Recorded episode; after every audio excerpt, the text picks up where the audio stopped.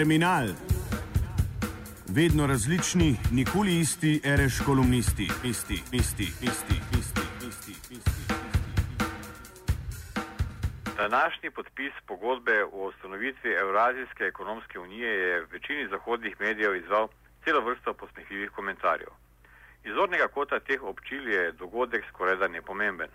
Skupina ozemeljskih velikanov in gospodarskih pritlikovcev, ki se vsi ponašajo z visoko korumpiranostjo in avtoritarnimi voditelji, ustanavlja nekaj, kar je samo senca nekdanje Sovjetske zveze. Nepomembno je predvsem niti približno tako dobro in učinkovito, kot je dobra stara Evropska unija. In ob tem je nova ekonomska unija Rusije, Belorusije in Kazahstana ostala celo brez četrtega člana. Ukrajine, ki naj bi po februarskem prevratu podpisal sporazum o pridruženem članstvu z EU in z izvolitvijo prozahodnega Petra Porošenka zagotovo obrala prozahodno smer. Vse to pa, kot nam je pojasnil tudi ameriški predsednik Barack Obama v svojem zadnjem govoru v West Pointu, dokazuje, da sankcije proti vse bolj izolirani Rusiji delujejo. Kot dva druga primera delovanja svoje politike je Obama navedel tudi pozitivni razvoj pogajanj z Iranom in mednarodni sporozum s Sirijo. In če je bilo vse to uspešno, je sklenil ameriški predsednik, potem bodo ZDA še naprej lahko vodile svet, vendar ne več toliko z vojaško silo, kot z nevojaškimi sredstvi, zavezniki in z diplomacijo. Ta doktrina ima seveda resne pomenkljivosti. V praksi mednarodnih odnosov namreč ni bistvene razlike med vojaško agresijo in drugimi, naprimer ekonomskimi pritiski. Kar pa se uspehov ameriške politike v primeru Irana, Sirije in Rusije tiče, pa so ti primeri precej slabo izbrani. V Siriji je zahodna intervencija doživela popoln polom zaradi odpora Rusije, Iran ni postal tarča naslednje intervencije, predvsem zaradi podpore Rusije in Kitajske, izolacija Rusije same, ki se razprostira preko dveh kontinentov, pa se nikoli ni zgodila in je enaka napovedi, da bodo ZDA izolirale v svet. Povedano preprosto, gre za fantastične blodnje, ki nimajo veliko zveze z vse bolj multipolarnim svetom. Da se ZDA javno odrekajo tisti uporabi, uporabi sile, uh, ki je bila dolga leta temelj njihove zunanje politike, pa je enostavno rezultat tega, o čemer ameriški predsednik na West Pointu ni povedal niti besedice. Upada ameriške moči dejstva, da bo Kitajska še letos postala največje svetovno gospodarstvo, vse trdnejšega zavezništva med Rusijo in Kitajsko zaradi neprestanega širjenja zveze NATO na zahod ter ameriške podpore azijskih držav, ki nadzorujejo kitajske pomorske koridorje, ter nepremišljenih intervencij brez odobritve varnostnega sveta OZN, ki so spodkopali mednarodno pravo in se kot bumerang vrnile tistim, ki so kreirali to nespametno politiko. V tem smislu je tudi danes ustanovljena Evrazijska ekonomska unija, ne glede na vse svoje pomankljivosti, nova resna protivtež ekonomski prevladi zahodnih držav. Države, ki so jo ustanovile, imajo skupni trg 170 milijoni prebivalcev, 66 milijard dolarjev medsebojne trgovine, petino svetovnih zalog plina in 15 odstotkov zalog nafte. Če bi bila evropska politika manj pod vplivom Washingtona, bi morala resno razmisliti o enotnem gospodarskem prostoru od Vladivostoka do Lizbone.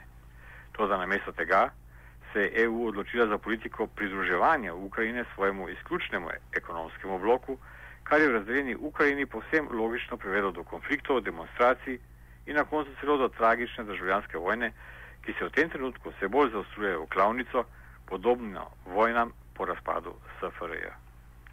Vse to niso dokazi nove ameriške moči, prav nasprotno. Vse to dokazuje, da se razmerje moči v svetu počasi to zagotovo spreminja. In prav zato so nekateri mediji Obamin govor, v katerem se je odrekel prepogosti uporabi sile, označili za enega najbolj prelomnih govorov v ameriški zgodovini. V humorističnem Borovic reportu so ta prelom pospremili s pikrim komentarjem, v katerem so nas spomnili na bistvo dosedanje ameriške zunanje politike. V naslovu svoje lažne vesti so zapisali naslednje. Obama zagovarja kontroverzno politiko nenapadanja držav brez kakršnega koli razloga. V poročilu pa so zapisali še naslednje. Konzervativni kritiki so bili osupli nad Obaminim govorom, v katerem je bila cela vrsta vznemirljivih trditev o tem, da je potrebno vojaško moč uporabljati samo z jasno opredeljenimi in racionalnimi razlogi.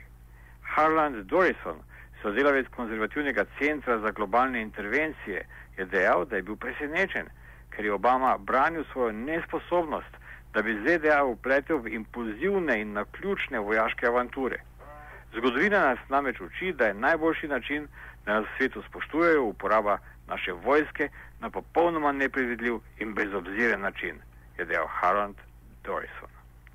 Vse to je bila sveda šala. Vendar ima ta šala zelo grenak priokus. Je namreč samo zrcalna slika resničnosti, ki smo jo živeli zadnjih 15 let, od prvih intervencij ZDA na Balkanu pa vse do vojne v Ukrajini. Paul Wolfovic, eden od ustvarjalcev Bušove zunanje politike, je bil prepričan, da se morajo nasprotniki ZDA bati iracionalne uporabe ameriške moči. Intervencije pa je zagovarjal na podlagi demokratične domino teorije. Prepričanje je, da bo po vojaškem napadu na neko državo in vpeljavi demokracije takšna uvedba demokracije v eni državi privedla do razširitve demokracije posod na Bližnjem vzhodu. To ustvarjanje sveta, varnega za demokracijo, je bila zelo nenavadna vrnitev konzervativcev na idealistični program, ki ga je s svojimi 14 točkami utemeljil ameriški predsednik Woodrow Wilson. Daniel Cohn-Bendit, vodja zelenih v Evropskem parlamentu, je v soočenju z namestnikom ameriškega znanega ministra Wolfovica, takrat pred enim desetletjem, ZDA obtožil, da se obnašajo kot bolševiki v oktobrski revoluciji, ker želijo osvoboditi vse svet. Tako kot oni trdite, da bo zgodovina na vaši strani, kot vsi revolucionarji imate dobre ideje, to da problem je v sredstvih, ki jih uporabljate za dosego teh ciljev. Potrebna so bila dolga leta vojn, da bi tudi ZDA spoznali pogumnosti politike.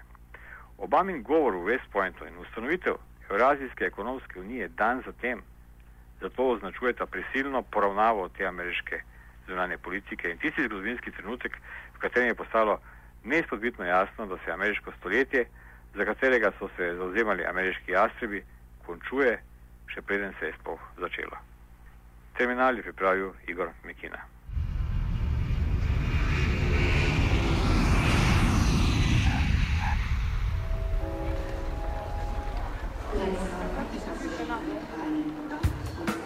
Terminal. Vedno različni, nikoli isti, ereš kolumnisti, isti, isti, isti, isti. isti.